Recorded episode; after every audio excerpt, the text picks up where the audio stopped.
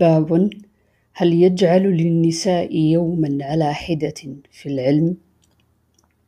عن أبي سعيد الخدري قال قال النساء للنبي صلى الله عليه وسلم غلبنا عليك الرجال فاجعل لنا يوما من نفسك فوعدهن يوما لقيهن فيه فوعظهن وأمرهن فكان فيما قال لهن ما منكن امرأة تقدم ثلاثة من ولدها إلا كان لها حجابا من النار.